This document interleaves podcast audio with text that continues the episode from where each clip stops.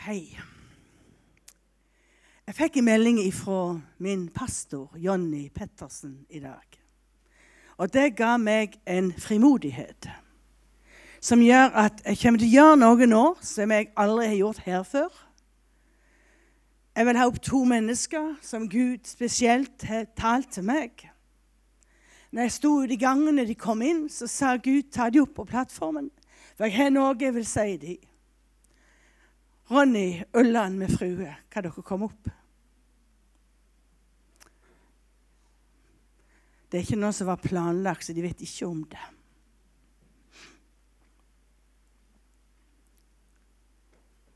Vi har jo hatt noen undervisning tilbake i tid om å bruke nådegavene og bruke tjenestegavene.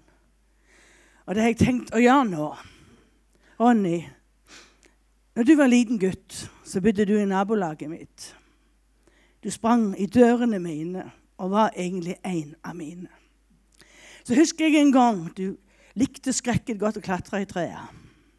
Nå vet ikke jeg hvor arret ditt er henne, men jeg minnes du klatra litt for høyt i et tre en gang. Og det resulterte i at du ramla ned og måtte til legen og sy noen sting.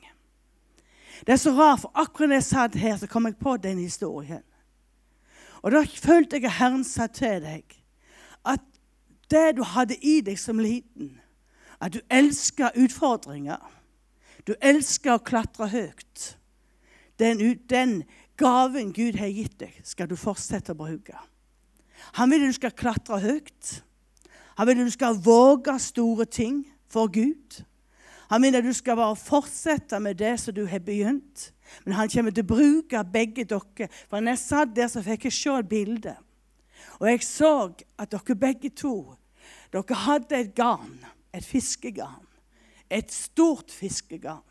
Og Han sa til dere at dere skal kaste garnet over på andre sida. For mange ganger kommer vi inn i noe tralter der vi gjør det som alltid har gjort det før. For de andre sier vi har gjort det før. Av og til skal du stille spørsmål, Ronny. Ja, du har gjort det før, men fungerte det? Herren sier, gjør det sånn som han vil. Du skal kaste ut garnet der han vil du skal kaste ut. Der kanskje ingen har kasta ut et garn før, skal dere to få lov å kaste ut garnet. Og Nå vil jeg gjerne be for dere, og jeg vil velsigne dere. Kjære himmelske Far, jeg ber for disse to. Jeg må innrømme det, Herre, at i mitt hjerte er jeg gysla glad i dem. Det er noe med det, Jesus, som du har lagt ned i dette mennesket. En lengsel, Herre, et ønske om å være til hjelp for andre. Jeg takker deg, Jesus, for det de har betydd for denne menigheten. Men jeg vet ikke, om det betyr uendelig mye mer ifra i dag av i Jesu navn. Jeg bare ber deg, far, at de gavene, tjenestegavene som ligger i dem, bare må bli forløst i Jesu Kristi navn. At vi får løst hver eneste gave. At de ikke står igjen, Herre, med en gave de ikke vågte å bruke. Men Herre, la de kjenne at de bruker alle gavene i Jesu Kristi navn. Og jeg bare ber deg, far, la deg og deres familie bli reist opp i denne bygda som et eksempel til etterfølgelse, Herre. La mange ta kontakt med dem og spør Herre, hvordan de klarte å komme dit hen de er i dag. Herre, jeg vet noe av svaret er de søkte deg. Det er ikke mange som har vært så mye til forbønn som deg, og det gjør noe med oss, Herre. Det å gå ydmyke seg og gå fram til forbønn, så alle ser på, kan være en ydmykelse, men den vokser i ditt rike. Så jeg velsigner de for deg, Gud, og jeg velsigner de for meg og for menigheten. Så jeg ber deg, himmelske Far, la de komme hjem fra dette møtet med en oppmuntring og vite med seg sjøl, Herre, at jeg skal inn i større ting, og jeg skal klatre enda høyere i Jesu Kristi navn. Amen. Velsigna være dere. Amen.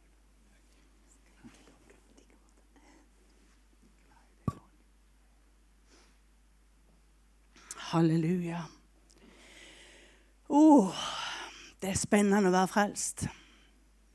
Det er så uendelig spennende å være frelst.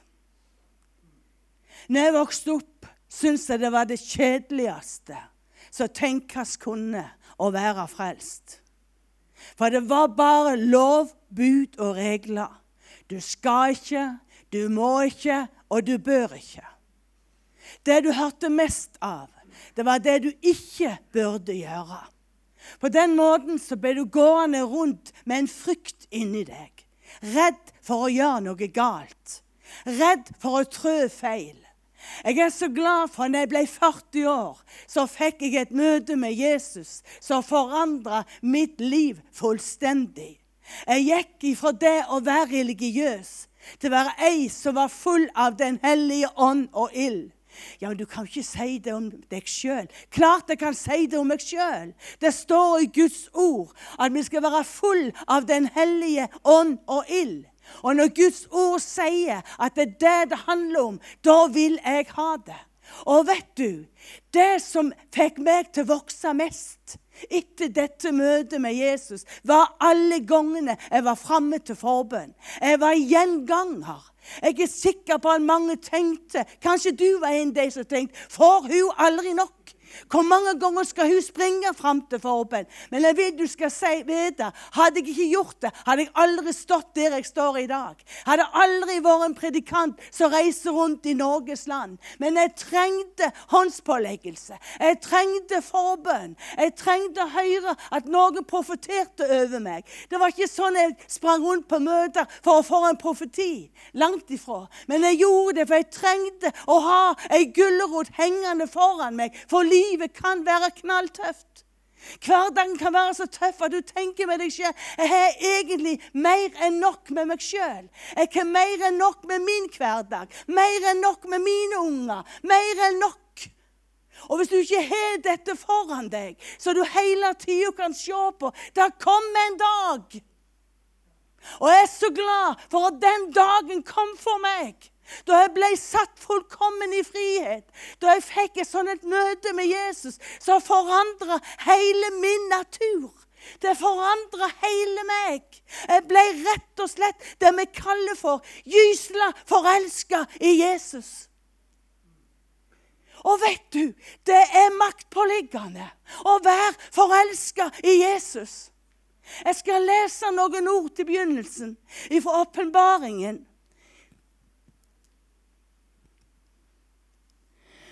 Det står i Åpenbaringen 1. Nei, 2. Og det står så Jeg vet om gjerningene dine, arbeidet ditt, tålmodigheten din, og at du ikke kan tåle dem som er onde. Og du har prøvd dem som sier de er apostler, og ikke er det. Og du har funnet ut at de er løgnere. Og du har holdt ut, og du har tålmodighet og du har arbeid for mitt navns skyld uten å bli trett. Likevel har jeg dette imot deg, at du har forlatt din første kjærlighet. Du, jeg var iblant deg som visste veldig godt hvordan ting skulle være. Jeg visste veldig godt hvordan Guds ord sa at andre mennesker skulle være. Og jeg var vel den som var den mest dømmende av alle. Jeg hadde en religiøsitet over meg som nesten skremmer meg sjel i dag når jeg tenker tilbake. Men det var kun det jeg hadde.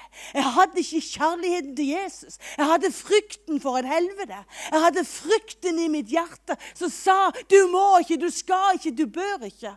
I stedet for jeg skulle hatt en sånn kjærlighet at jeg snakket om Jesus. Ikke fordi jeg var redd han, men fordi jeg kunne ikke la være. For han hadde gjort så utrolig mye i livet mitt.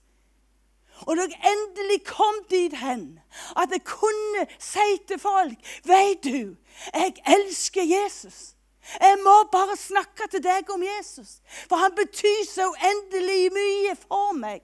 Han er jo ikke den som går rundt og peker på folk. Han er jo ikke den som går rundt og dømmer folk. Men det var sånn jeg var. Jeg var den som gikk rundt og dømte og bedømte mennesker alt ettersom. Og jeg tenkte på Uffe. Jeg satt og så på han her på TV den ene kvelden. Og jeg tenkte tilbake i tid. I den tida de mente han var helt Han må ha vært totalt langt ute i avgrunnen og vel så det. Med det håret, den bekledningen, den musikken. Det, mange dømte han nord og ned. Men vet du, det er ikke mange jeg har fulgt opp over årene. Men jeg ser den dag i dag. Han har en salvelse over livet sitt. Han har Guds nærvær med seg. Og her er det snakk om faste og bønn. Vet du, hørte du snakk om Han faste og ba før han reiste rundt på turné. Samtidig så de religiøse satt igjen i salen eller snakket ille om han. Vet du, det var en mann som var villig til å ofre noe for at mennesker skulle bli frelst. Er det ikke vanneri, da? Hvordan en ser ut? Er det ikke vanneri med en hatt og dult eller hva en skulle ha? Er ikke det viktigste det som kommer ut av et menneske? At det kommer ut noe liv? Du, jeg tror det er på tide at du og meg forstår hva det egentlig handler om. Det handler ikke om det som er på utsida, men det handler om det som er inni. Jeg har fortalt det mange ganger før, men i den tida der jeg fikk dette møtet med Jesus, så var endringen så ekstrem at folk så det på utsida. Jeg kan ikke forstå det, men det er faktisk helt sant. Det var ei dame som sto bak meg på en butikk.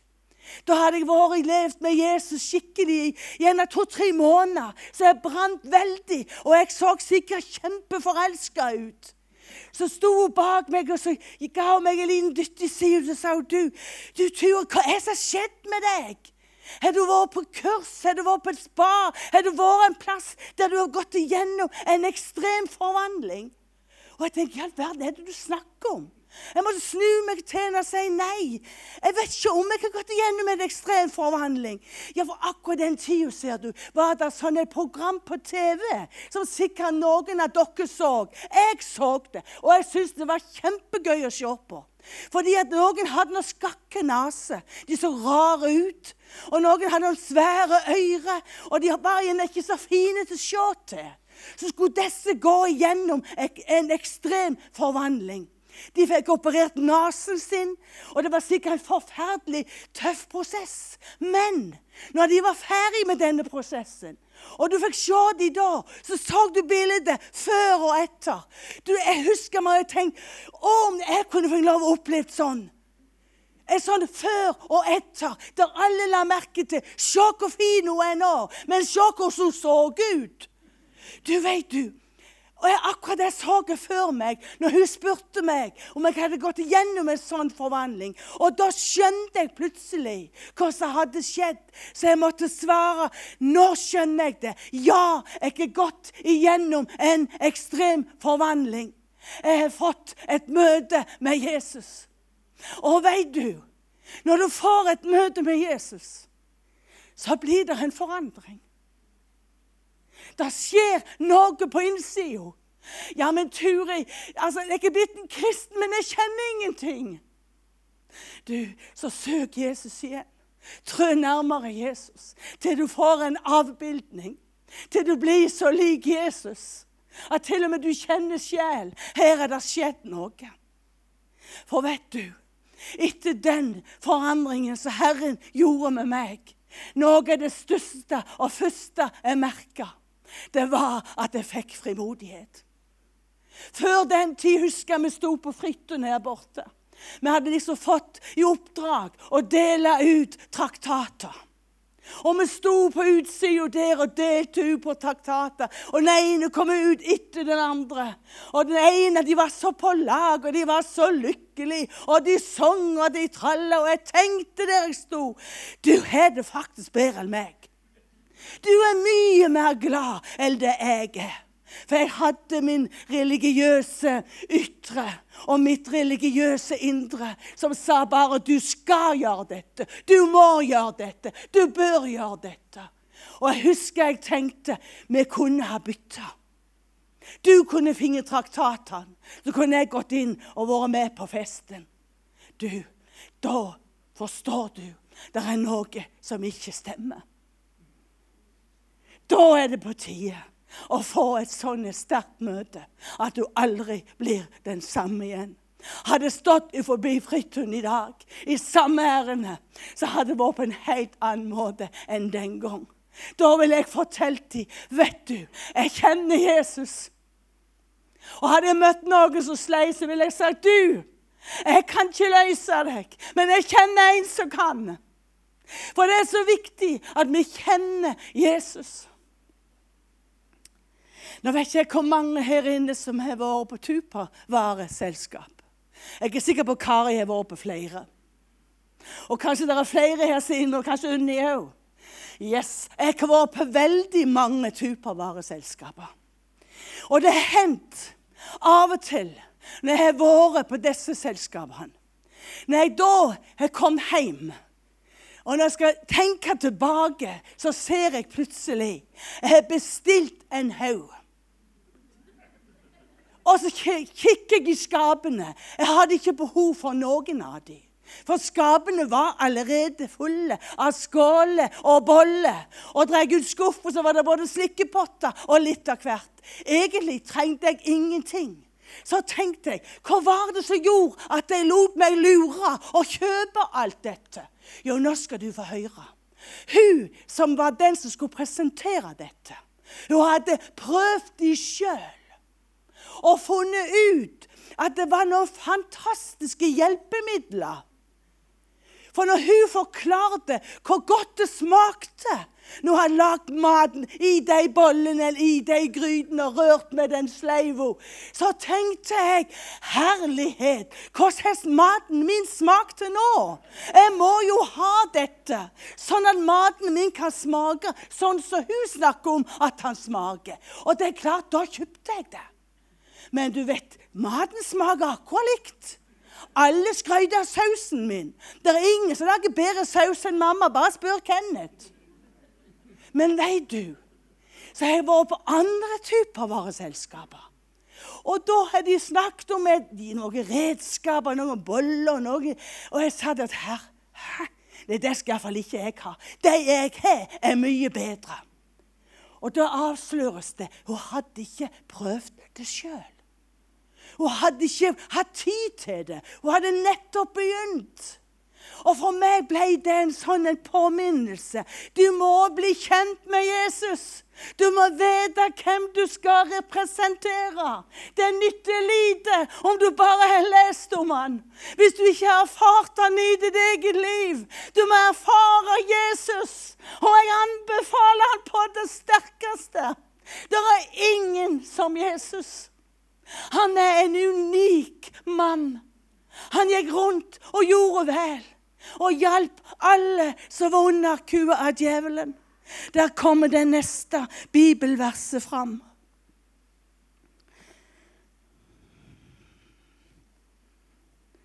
Det står i Matteus kapittel 9, vers 35. Deretter dro Jesus omkring i alle i byene og landsbyene.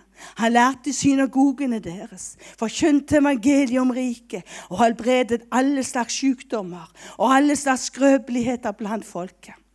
Men da han så folkeskaren, ble han dypt grepen av medlidenhet med dem.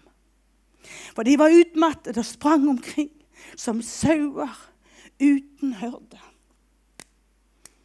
Du, du og meg er kalt til å være hyrder. Ja, men er ikke det Jonny og Miriam sin oppgave? Jo, de òg. Men du og meg skal få lov å være hyrder for den flokken som vi har. Som mamma og pappa kan vi være hyrder for våre unger, for våre barnebarn. Og har du ellers ei gruppe, så tror du skal altså, anse deg sjøl som en hyrde for den gruppa. For hvis du tenker på deg sjøl som en hyrde, så får du et større ansvar. Du vil føle et mye større ansvar for den gruppa du er en del av. Så kjente jeg så sterkt da han var inne på Tom. Alle veit hva som en gang skjedde med Tom.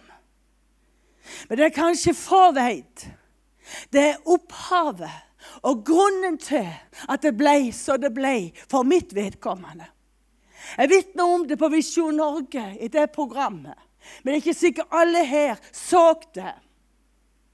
Men vet du, det var i den tida da jeg hadde fått et møte med Jesus. Da jeg begynte å se rundt meg og så at det var mennesker så hadde det like vanskelig som jeg hadde hatt det før dette møtet. Så satt jeg inne på Suknatun. Satt sammen med noen venner og drakk kaffe, og vi koste oss. Og midt i dette så var det en stemme som sa til meg Turi, du skal gå og så skal du banke på døra hos Arild Remøy, som eide kafeen. Så skal du spørre om han har en jobb til deg. Og jeg tenkte med meg selv det kan umulig være annet enn mine egne tanker. Jeg hadde ikke vært på arbeid siden jeg ble gift. Så jeg tenkte hele tida jeg skal ikke jobbe før ungene mine er ute og reirer, og vel så det. Jeg hadde valgt å være hjemmeværende husmor. Det var et valg jeg tok. Men der fikk jeg en utfordring plutselig. At Turi, der er et oppdrag til deg. Jeg husker ennå jeg gikk med små steg bort til døra inn til kjøkkenet. Dere vet hva jeg snakker om, det som har vært på Suknatun. Og jeg bankte på kanten av døra, og Arild kom ut. Og ble stående og se på meg og lurte på hva er det du vil. Så spurte jeg han, du, har du en jobb til meg? Ja, sa han. Det har jeg. Der har nettopp slutta ei. Du, han hadde kontrollen som jeg ikke hadde. Og jeg spurte når kan jeg begynne. Kan du begynne i morgen? Ja, jeg kunne selvfølgelig begynne i morgen. Og jeg begynte der og ble kjent med Tom. Ble glad i Tom. Ble utfordra. Men vet du, når jeg ser resultatet i dag, så ser jeg viktigheten av og ha øre som hører hva Ånden har å si. Det er altså altfor ofte både du og jeg hører hva andre har å si. Skal vi være helt ærlige, så spør vi at titt og ofte hva mener du om det?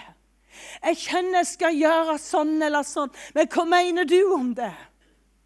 Du, jeg har lært i løpet av årene ikke spør noen andre enn Den hellige ånd.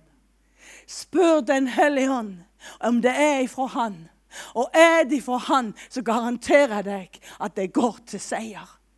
For når Han setter noe for deg som Han vil du skal gjøre, så sørger Han for å dyktiggjøre deg inn i tjenesten. Jeg har sagt det mange ganger før, men jeg blir ikke lei av å gjenta det. Hadde noen sagt til meg for 40 år siden Turi, du skal reise rundt som en predikant i Norges land, så hadde jeg sett på dem og ledd og sagt det er totalt umulig. Jeg kunne si det da, for jeg kjente egentlig ikke Jesus. Hadde lest mye om han, og det skal du vite. Var det ei som hadde lest Bibelen, så var det Turi. Å, herlighet! For jeg måtte. Ikke at jeg angrer på det i dag. For det er viktig å lese Guds ord. Det er kjempeviktig. Men for meg var det sånn at jeg måtte lese. Jeg la meg om kvelden, så måtte jeg lese Nytestamentet jeg hadde. Jeg la sida opp og sida ned. Bare fordi jeg trodde han ble mer glad i meg hvis jeg leste mye. Jeg var ikke klar over at det var jeg som trengte det. Jeg trodde det var han som trengte det. Men halleluja, det var jo jeg som trengte det. Og alt det som jeg leste da Jeg ble spøka med Dag Morris.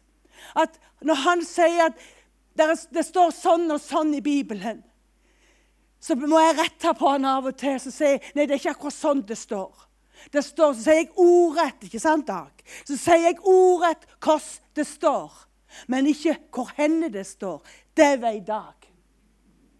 Så det er veldig enkelt å ha med Dag å gjøre. Jeg kan bare si hva som står, så sier han det står der.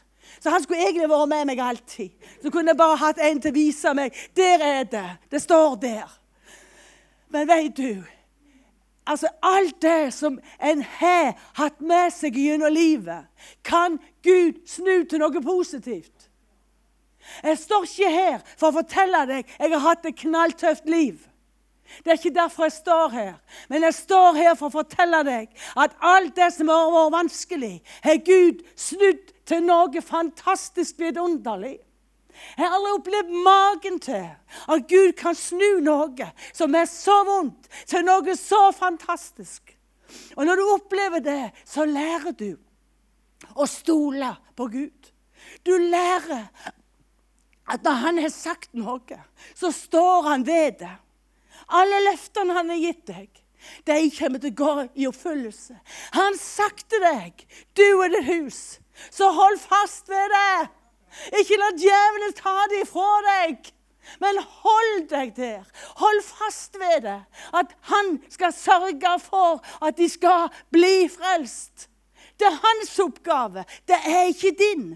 Du skal ikke frelse noen, men du skal få lov å være et redskap i hans hånd til frelse.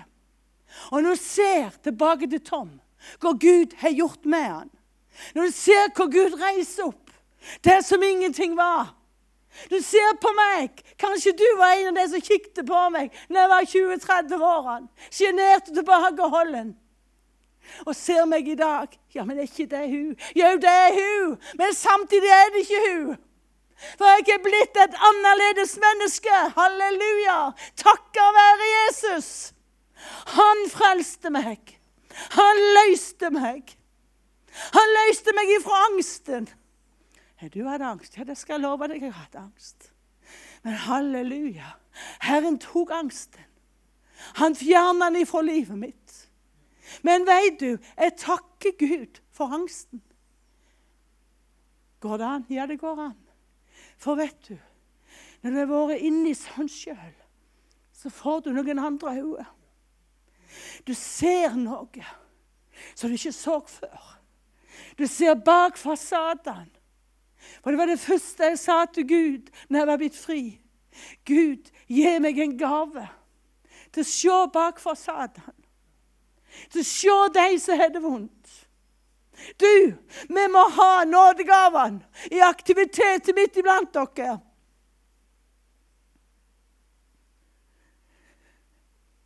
Og dette sier jeg ikke fordi at jeg ser ned på noen eller noen menighet eller noen personer. Jeg hadde det knalltøft inni meg, men ingen så det. Før det kom en predikant på talerstolen her, Halve Hasseløy, med profetord fra himmelen, som slo rett ned i meg. Og jeg skjønte jeg må bli fri. Derfor trenger vi at gavene er i aktivitet. At predikantene når de taler, har full frihet, som jeg kjenner absolutt jeg har i dag. Du kunne gjøre det som Den hellige ånd minner på. Som jeg kjente med Ronny og fruen. Du vet du Til slutt skal jeg fortelle en fantastisk historie. Jeg fortalte den i på stranda på en basar vi hadde der før jul. Og jeg har så lyst til å fortelle den her. Noen har hørt han før, men vet, det gjør ingenting om du får høre han en gang til. For det kan være du gikk glipp av noen små detaljer, så skal du få de her. Det var noen gutter i Sverige. To smågutter på åtte og ti år. De var noen smårøvere. De fant på mye rare ting. Og så bodde de i en blokk. Og alle vet at det er mange etasjer i et blokkhus. Og denne gutt, ene gutten bodde i åttende etasje. Og denne gutten hadde òg et lite marsvin. Skal du høre. I Sverige var det et program på radioen som heter 'Tapt og funnet'. Og det fungerte sånn at hvis noen hadde mista noe, så skulle de ringe inn til programmet. Og så skulle de si hva de hadde mista, og hvor omtrent de hadde mista det. Og så skulle andre igjen, igjen si 'Du har ikke funnet den saken'. Og så ble det løst, og så ble det bare herlighet og glede. Men dette ble en sak som gikk som en farsott over hele Sverige fordi han var så spesiell. Disse guttene ble enige om at et marsvinet skulle de sette en sånn en uh, Hva heter det nå? Fallskjerm på. Nå skal du se inn i hodet ditt at de tar en fallskjerm på denne, dette marsvinet. Går opp i åttende etasje Der står den ene gutten, den andre står nede for å ta imot marsvinet når det kommer. Sant? Du ser det før deg. Så slipper han ut marsvinet, henger det ut over, altanen og slipper. Men så skjedde det noe merkelig. Det kom nemlig en vindpust som tok marsvinet og fallskjermen med seg bort ifra området. Så han som sto og venta på marsvinet, sto der forgjeves. Det kom ingen marsvin.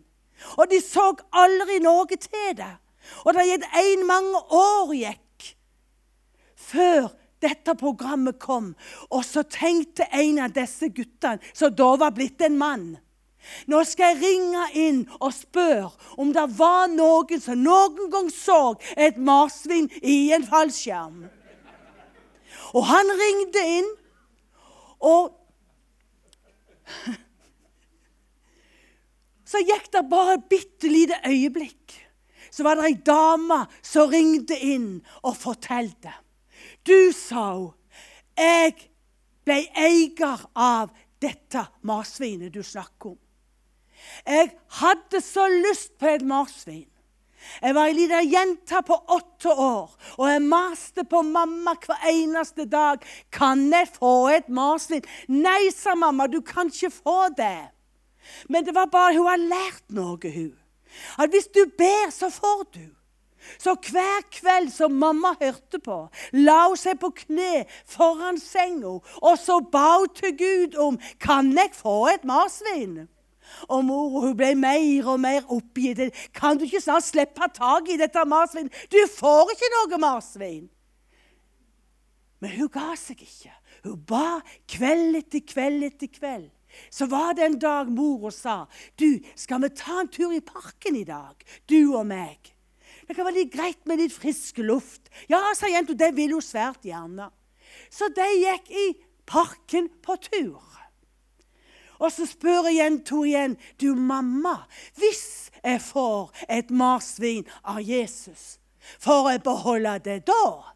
'Ja', sa mamma, 'da får du beholde det, hvis du får et av Jesus.' Så ble hun litt, så, litt rar i ansiktet. Mor og kikket på henne. Og så så hun at jenta gikk og kikket oppover. Tenkte, Nå må du ikke gå og kikke oppover. Du kan jo ramle. Det er jo ting du kan snuble i. Men hun gikk og kikket oppover, for hun så nemlig noe. Hun så noe rart som kom på himmelen. Og hun så at det dalte og dalte og dalte. Og så løfta hun bare ut hendene, og der ramla det et marsvin med en fallskjerm på ryggen i hendene hennes. Du, det er en fantastisk historie. En vanvittig historie. Men veit du, det er så viktig at du forstår hvem Jesus er. At det brydde seg så om denne jentas bønn at han lot det komme en vind. Og tenk at det er tilfeldigheter. Nei, så langt ifra. Det er gudfeldigheter alt sammen. At jeg skulle ut på tur akkurat da. For hvis de hadde vært hjemme, hadde du gått glipp av hele marsvinet. Men du er på rett plass på rett tidspunkt. Halleluja! Det er det du og meg må gjøre, å være i hverdagen. Rett plass på rett tidspunkt. Så kan du mene og syne hva du vil. Men vet du, Gud spør aldri hva du syns. Jeg skulle ønske han av og til kunne gjort det. Men han har aldri spurt meg hva jeg mener og syns. Men jeg er blitt opptatt av om høre hva han mener, og hva han syns. Og jeg, han sier, og han mener, denne bygda må få se Jesus. Denne bygda må ikke få se en haug med religiøse. Men den er bygd om å få se mennesker fulle av Den hellige ånd. Den er bygd om å forstå hvem Jesus er. bygd om å skjønne at Jesus og han gikk rundt og gjorde vel og hjalp alle som underkua djevelen. Det har vært for mye at vi har lagt mer byrde på folk. I stedet for å ta byrdene ifra dem. Å, jeg lengter desperat etter at Guds ånd skal falle over denne bygda. Jeg lengter desperat etter at mennesker som sitter rundt i heimene sine, som tror de kjenner Jesus, for de har møtt feil person. Du, la mennesker i bygda treffe Jesus gjennom deg og meg. La de få treffe kjærligheten i våre hjerter til deg. La de forstå at vi mener det. At det ikke blir bare en pekefinger her og en pekefinger der. Men at det blir at de kjenner ja, men hun bryr seg faktisk om meg. Han bryr seg om meg. Arnstein ser meg. Wenche har hørt meg. Du, det som jeg sitter igjen med etter dette, det vi må rett og slett bare enda nærmere Han. Og få mer ut av hans natur. Så det ble sagt tidligere, han som begynte en god gjerning, han skal fullføre. Men vi må være villige til han får lov å gjøre det. Jeg tror av og til vi kan være litt gjenstridige og si at egentlig har jeg ikke lyst, men OK, da. Men det er mange som venter på deg. Det er én historie til jeg skal ta. Jeg kikker ned på mannen min. Jeg skal ta den før jeg sier takk for meg. Kanskje du har en mann eller ei kone eller noen som ikke er der du skulle ønske de var. Jeg fikk møte Jesus først. Jeg fikk et sterkt møte med han som forandra mitt liv. Samtidig så var jeg nok fremdeles litt den gamle Turi. Irritabel og litt sånn som vi kan være noen hver. Og Jeg husker når vi kom på møtene her, vi var med på salmodiskolen og lærte å lufte hendene og lærte alt mulig. Både bøye og tøye. Det var ikke noe vi ikke kunne da. Men han, han skulle ikke bøye og tøye. Han skulle ikke lufte hendene. Han skulle liksom ikke være med på dette her. Og jeg husker når jeg kom hjem av og til var så frustrert og sa kan du iallfall ikke lufte hånda. Kan iallfall se ut som om du er til stede. Så var det en gang jeg var i bønn på Flekken, så ble min bønneplass da over lang tid. Og jeg begynte å klage min nød overfor Gud, og så ble jeg stansa opp av en stemme som sa, 'Turi, om du tror at du er perfekt' Det var et gyselig godt spørsmål. Og skulle jeg være helt ærlig, så syns jeg iallfall jeg var på god vei. og da irettesatte Gud meg og sa, 'Turi' Det er ikke rette veien å gå å kritisere og baktale han og si ting. Den veien du må gå, det er via korset og Golgata. Og da ble det sånn for meg når jeg gikk på flekken, ba for min mann Tønnes. Og det var så rart, for det, det gikk ikke lang tid før jeg merka at det begynte å skje noe. Og jeg skal si dere en ting. Han er den største supporteren jeg har i dag. Fordi jeg gikk rett vei. Jeg gikk via korset. Jeg gikk til Jesus. I stedet for å si til andre hva, hva syns du jeg kan gjøre. Har du problemer med ektefellen din? Gå til Jesus med han. Gå til Jesus med henne. Så skal jeg love deg at han kommer til å endre på alt på en måte du aldri kunne ha tenkt deg. Jesus, nå ble det som det ble. Men du vet én ting, Jesus. Du vet jeg elsker deg. Fordi du elsker meg først. Og fordi du skapte en sånn forandring i mitt liv, kan jeg ikke annet elske deg. Jeg føler meg av og til lik huddamer, Jesus som tok hele sin salvekrukke og øste den utover føttene dine. Hun gjorde det for å bli tilgitt mye. Jesus, du har tilgitt oss så mye. Jeg bare ber deg, far, hver enkelt her inne, meg i beregna. Skal få lov å kjenne det, Herre, at du har tilgitt oss. Absolutt alt. Alt vi har bekjent for deg, Gud, har du tilgitt. Og jeg ber, far, for alle som sitter her, som har lyst, Herre, til å ha ei hånd lagt på seg, men ikke har tørt. Jeg ber deg, Jesus, la all menneskefrykt, alle grunnene, alle de barrierene som ligger der, Herre, så gjør de ikke tørr. Hva skal han tenke? Hva skal han si? Herre, det er ikke så viktig hva naboen min sier. Det viktigste er hva du, Gud, sier. Jeg vet hva du sier. Kom til meg. Alle som strever, har tungt å bære. Hos meg skal det få hvile dere ut. Halleluja, Jesus. Jeg bare takker deg for at sånn er det. Så jeg bare velsigner forsamlingen, Herre.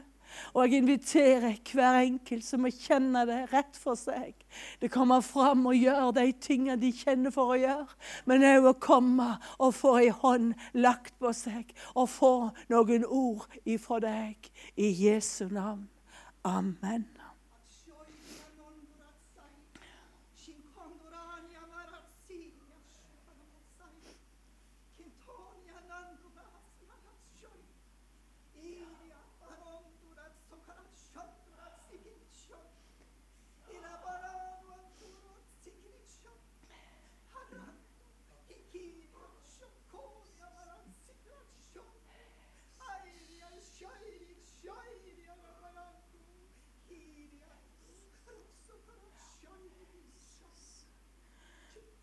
Jeg er veien, jeg er sannheten, og jeg er livet. Veien har du vandra på. Sannheten har du trodd på. Men du har glemt å leve livet med meg. Du har vært så opptatt av at alt skal være rett. Du har vært så opptatt av at alt skal gå så på GH. Men du har glemt å leve det tette livet med meg. I denne formiddagsstunden så kaller jeg deg til å trø et steg nærmere. Jeg kaller deg til å komme nærmere mitt hjerte, så jeg kan få dele hva jeg har å si til deg. Du har fortalt meg alt. Du har fortalt meg om din nød og din smerte. Men du har glemt å spørre, Herre, hva ligger i ditt hjerte?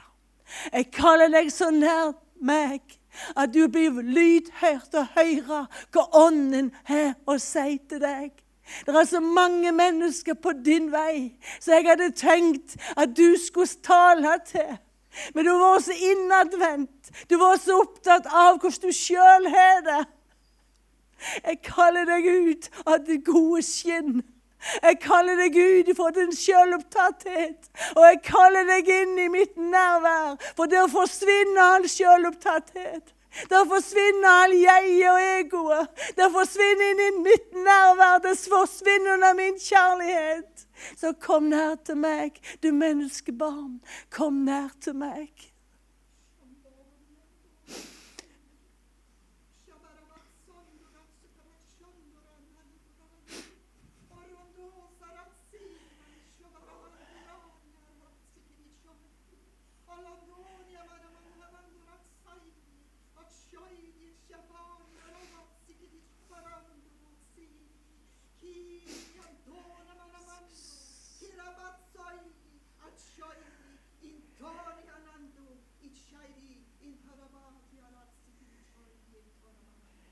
Før jeg danna deg i din mors liv, så kjente jeg deg.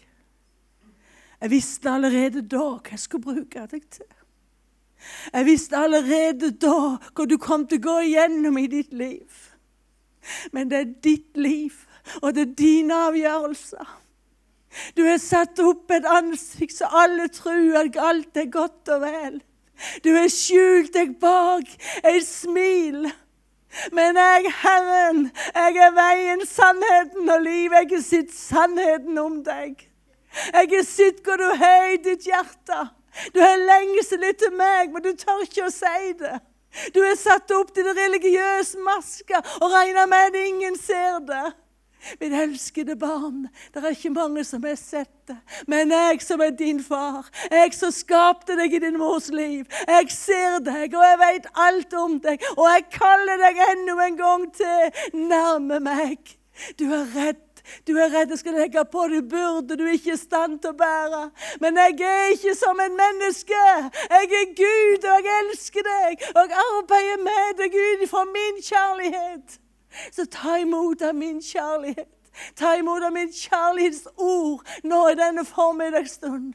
Så skal du få kjenne hvem jeg virkelig er. Jeg er han som sa 'bli', og det blei. Du er elska av meg. I Jesu navn. Amen. Amen. Nå har ordet gått ut. Budskapet har gått ut. Og da er oppfordringen Det er en plass der.